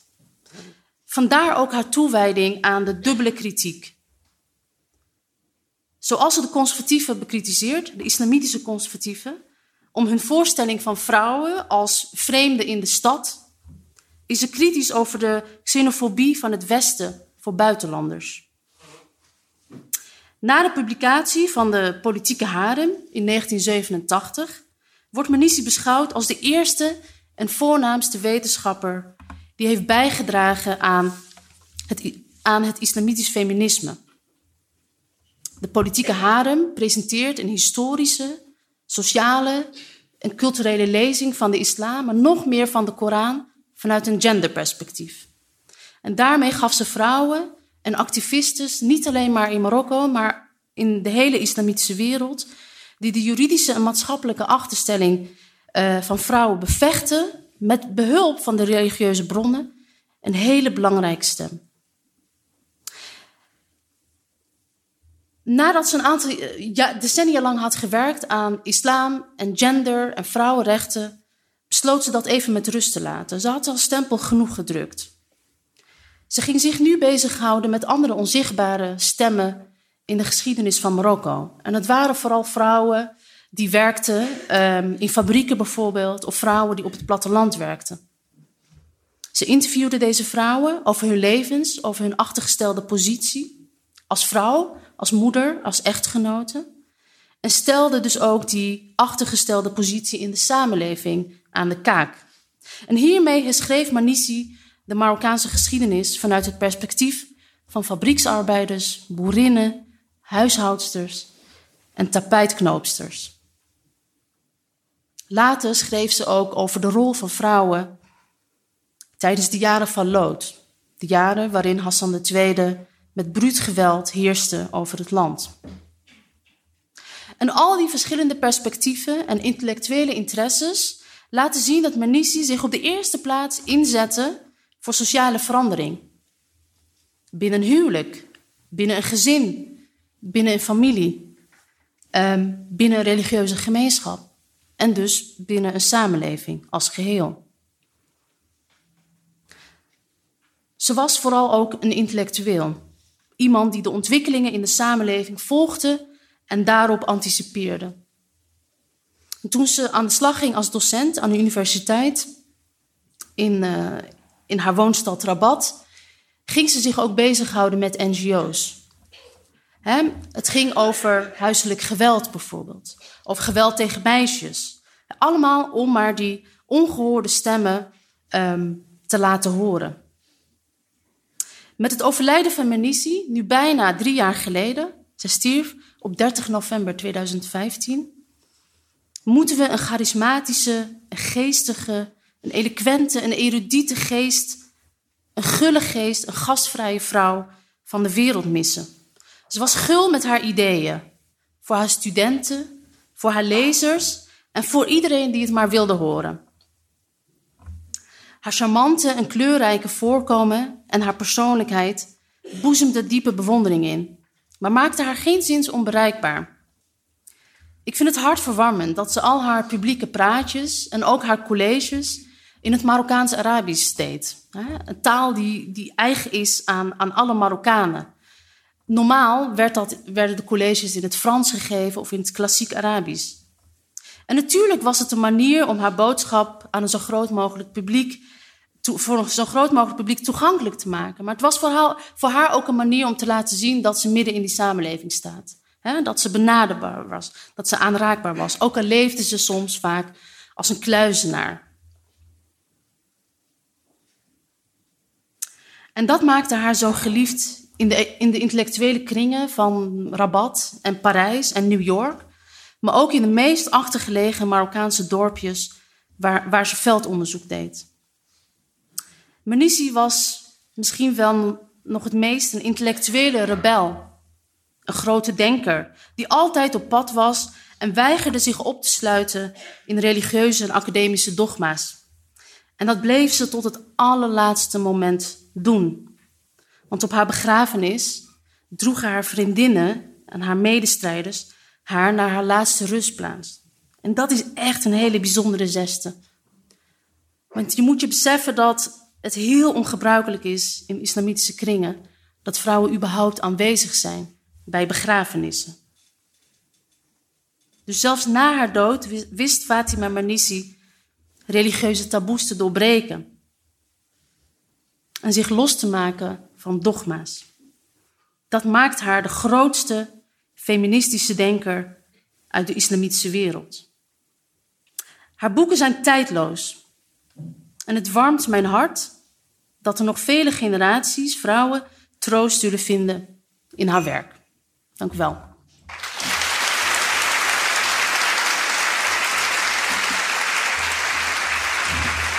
Nadia Boeras, dank je wel meteen maar de koe bij de horens vatten. Ehm, ik, begon, ik begon over die sociale media en over die, die, die, die azijnpissers die elke dag weer wat te melden hebben over, over met name islamitische vrouwen. Het idee van een intellectuele islamitische vrouw, strijdbaar, die haar eigen zaakjes regelt, dat kan er niet in. Je hebt zelf nog een akkefietje gehad, recent, hè, met die VVD, dat VVD-Kamerlid. Die trok jou in twijfel. Die ging jou verklikken bij, bij de Universiteit Leiden. Dat idee dus van een islamitische vrouw die haar mannetje staat, om het maar even zo, dat kan niet. Wat is er nodig om dat tijd te keren? Um, historisch besef, allereerst. En meer van dit soort verhalen. Het idee ook daar. Misschien was dat nog wel haar grootste strijd. Um, want toen, toen haar boek, haar semi-autobiografie over haar leven in de harem uitkwam, en ze uh, de wereld rondreisde om uh, dat boek te promoten. Toen deden journalisten heel giechelig erover. Een harem, oh, dat zijn uh, blote vrouwen die... Zoals die Hypatia die we. Exact. blote vrouwen die ehm, de, de heer des huizes druiven voeren of zo. Er waren hele geseksualiseerde beelden die ze hadden van, van vrouwen. Men heeft dus werkelijk geen idee wat een Arabische vrouw is, wat een islamitische vrouw is. Maar de perceptie is dat dat of een zeer geseksualiseerde vrouw is, die in dienst staat van haar vent, of een onderdrukte vrouw die werkelijk niks te zeggen heeft over haar eigen wil. Um, niks daartussenin. Dus mijn vraag nogmaals, wat, wat, wat te doen? Meer van dit soort verhalen. Ik zou willen, en ik ben heel blij dat uh, deze boeken, haar boeken zijn altijd al beschikbaar geweest in, uh, in het Nederlands. Maar toen zij overleed, heeft de Geus, haar uitgever, heeft die boeken opnieuw uitgegeven. Dat betekent dus dat er steeds meer nieuwe lezers komen. Jonge lezers, ook meisjes, maar ook vooral moslima's, jonge moslima's die uh, zeker geboren zijn in. Ik bedoel, ik ben geboren in Wim Kok tijdperk. Dat was allemaal prima, er werd helemaal niet, niks die multiculturele samenleving werd niet geproblematiseerd. Maar nu, je zal maar nu opgroeien als, als tiener, als puber, als jonge vrouw. En alleen maar het idee hebben dat je als moslima, een, zichtbare moslima, dat je er niet toe doet. En Fatima Mernissi zegt dat je er wel toe doet en dat je je die geschiedenis mag opeisen. Fuck die conservatieve moslims, maar fuck ook die witte mannen die vertellen dat je niet waard bent. En dat laat Fatima Mernissi zien.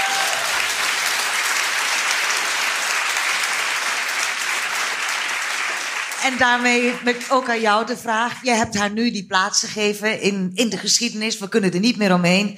Niemand hiermee kan zeggen... Ik heb nog nooit gehoord van Fatima Menisi. What the fuck is Fatima Menisi? Nu weten we het.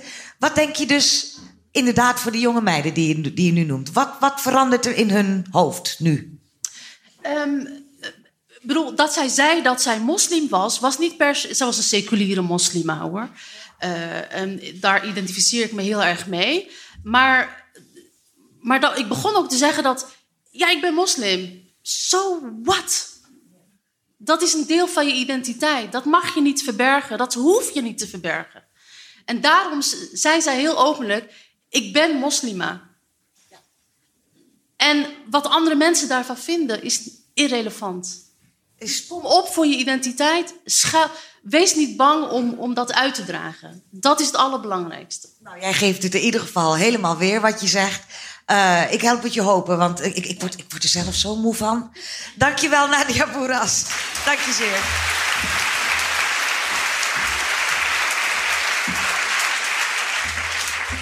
We lopen iets uit. Vinden we het erg? Nee, toch? Nee. We hebben ook uh, natuurlijk de innerlijke spirituele mens die nog een beetje aan bod moet komen vandaag. En speciaal voor deze avond een gedicht over historische vrouwen, geschreven en voorgedragen door een vrouw die haar spoken word zwaarder wil laten wegen dan gewone woorden. Sandy, Sandy Bosmans.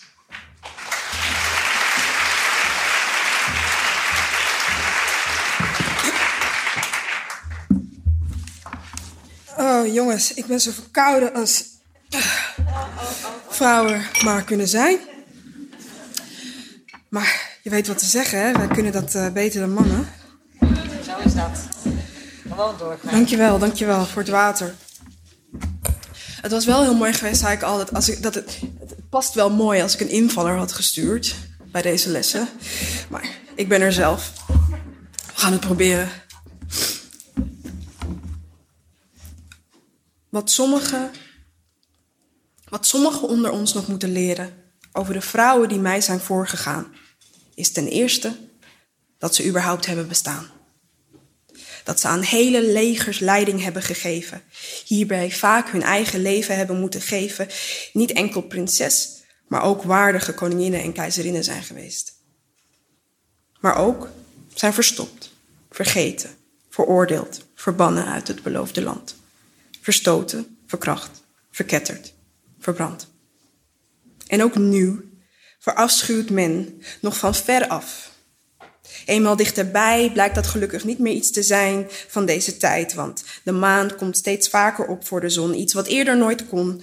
Dit zorgt wellicht wat voor problemen voor Houston, want er landt steeds vaker een vrouw op de belangrijke plek. Ook zijn presidenten niet altijd meer vol van testosteron. Voor woorden, voor sommigen van ons nog vaak iets te gek. Maar hoor je dat? Het geklikklak van onze hakken op het glazen plafond. Het klinkt als een antwoord in koor. Bast er niet doorheen, dan kan je in ieder geval niet langer om ons heen. We dansen er bovenop. Vrouwen bloeden al jaren. En niemand die het heeft gezien. Tot we begonnen met inkt te bloeden op papier. Onze stem werd ingezet als instrument tot we konden lezen. En dit beter deden dan menig man ooit voor ogen heeft gehad. Of dat ze dit stiekem wel wisten, maar te bang waren voor het verlies van macht. Wat ze ons nooit wilden leren, is dat wij wijzer waren dan al die zogenaamde wijsheren. Als nonnen slimmer dan de priesters die we moeten vereren. Maar wat weten we nu nog over de vrouwen die weigerden op te staan in bussen wilde trouwen met witte mannen. Wat weten wij nu nog van de pijn van simpelweg vrouw te willen zijn? Wat weten wij nu nog over de vrouwen die nazi's liquideerden? Maar geef je ons water en brood, veranderen wij dit in een feestmaal. Geef je ons oesters, verwijderen wij de parels zonder pijn. Dus wat er nog geleerd moet worden over de vrouwen die mij zijn voorgegaan, is ten eerste dat ze überhaupt hebben bestaan. Dat ze met hun voeten en hun woorden de grond hebben geraakt. Vrouwen hebben al zogenaamde machthebbers gebaard. Zij hebben de edelstenen in hun schoot bewaakt, als mede al het heilige water waar vandaag de dag nog steeds de dorst mee wordt gelest. En toch, en toch wordt alles wat door vrouwen is gedaan eerst onderworpen aan een uitvoerige test. Maar vrouwen bloeden al jaren, van geboorte tot aan het graf. Dus wat als de beloning hiervoor is dat iemand het eens in een ander licht zag? Oprecht een vrouw door de geschiedenis heen bekeken, ieder lichtpuntje aanwees. Daar waar de zon de bewolking door haar toedoen doorbreekt. Want geef je ons vleugels, komen we hoger dan je had gehoopt. Geef je ons het heilige water nou eens terug, komen we meer gezegend dan gedoopt. En dan zullen, zullen sommigen eindelijk in onze vloed verdrinken. Met als enige verschil dat wij het schip nooit meer laten zinken. Onder sommige huiden zullen wij inderdaad kruipen. En al zal ons pad voor altijd met sommige kruisen, is het verschil dat je ons nooit meer, maar dan ook echt nooit meer, ongestraft zal kunnen verguizen. Wat sommige mensen nog moeten leren over de vrouwen die mij zijn voorgegaan, is ten eerste dat ze. dat ze met hun voeten en hun woorden de grond hebben moeten raken om voor mij en zoveel met mij diezelfde grond vrij te kunnen maken, zodat ik op mijn beurt met mijn voeten en mijn woorden de grond mag proberen te raken. Dank je wel.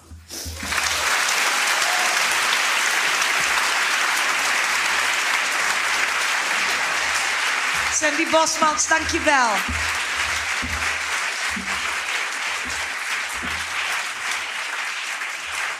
En beterschap. Wat een avond, jongens. Echt. En meisjes natuurlijk. Maar we gaan niet alles iedere keer helemaal definiëren. Ik denk dat ik gewoon het pad van, van Cynthia McLeod ga volgen daarin. Beetje rebellie in ons taalgebruik.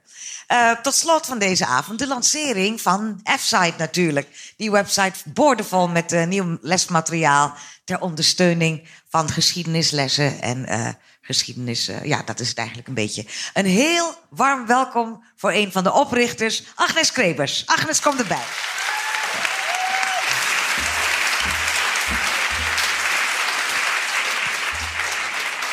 Geef je even eigen geluid, dat, dat praat wat makkelijker. Zeg, je gaat groot uitpakken met die website, F-site. Um, maar er staan nu nog maar 50 vrouwen op. Dat is natuurlijk vragen om gedonder met je critici. Nou, het is in ieder geval meer dan drie die nu in de kanon staan. Dat is waar. Maar uh, nee, het is een begin. Uh, we krijgen nu al inderdaad veel opmerkingen van waarom staat die er niet op en waarom staat die er niet op.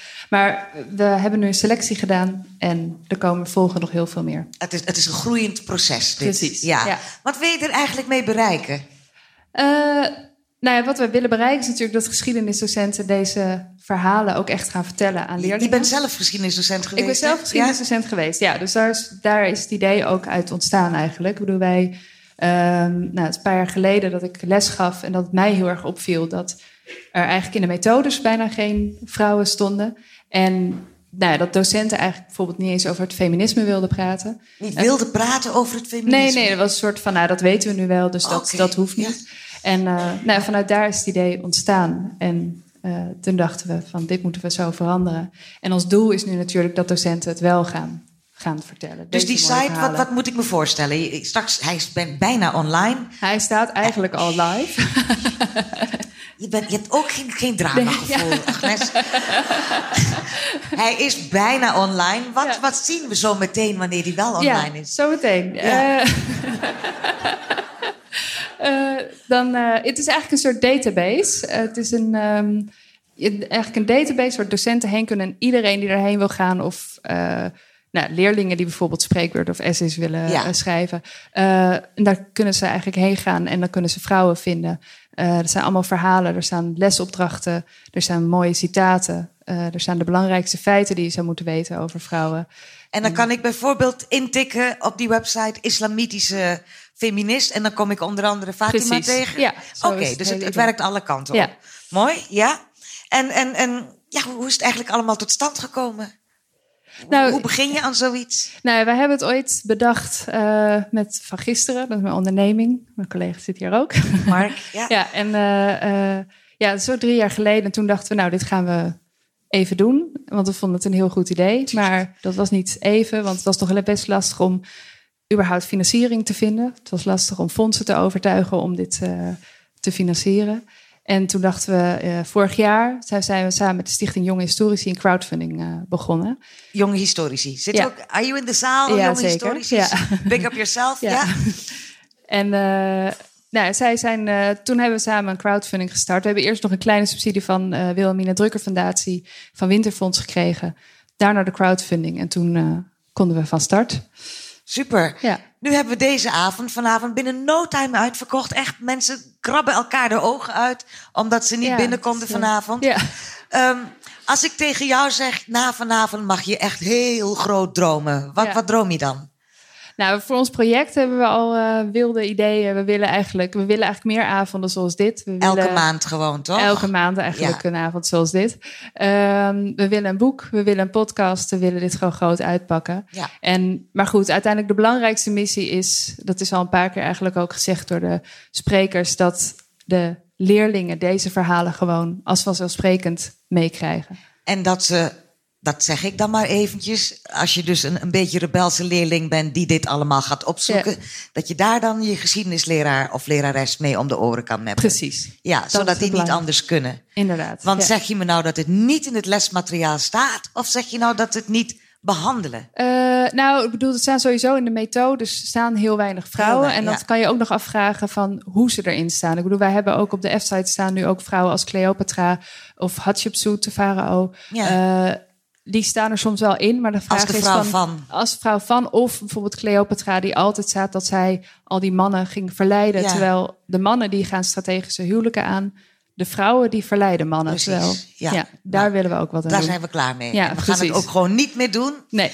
Wat we wel gaan doen, is met een groot gebaar Yes. jouw website lanceren. Ja. Ik heb een schoolbel. Ready? Ik mag echt heel hard, hè? Gaat-ie.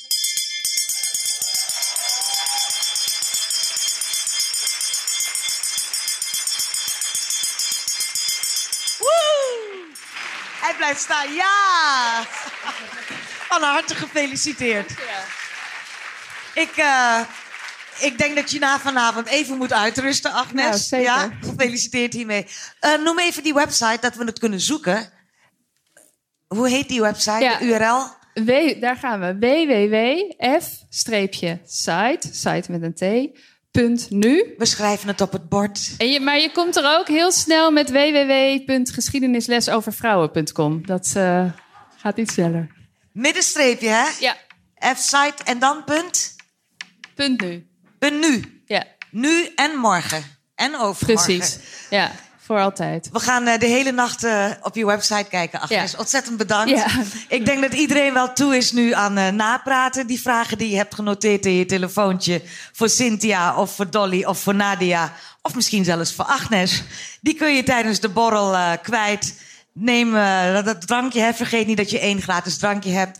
En dat er boeken zijn waar je in kunt snuffelen... die je ook gewoon kunt kopen. Waaronder het boek van Cynthia over Elisabeth Samson. Agnes, wil je nog iets kwijt? Nee, nou, dankjewel voor jullie komst. Jullie allemaal bedankt. Tot ziens.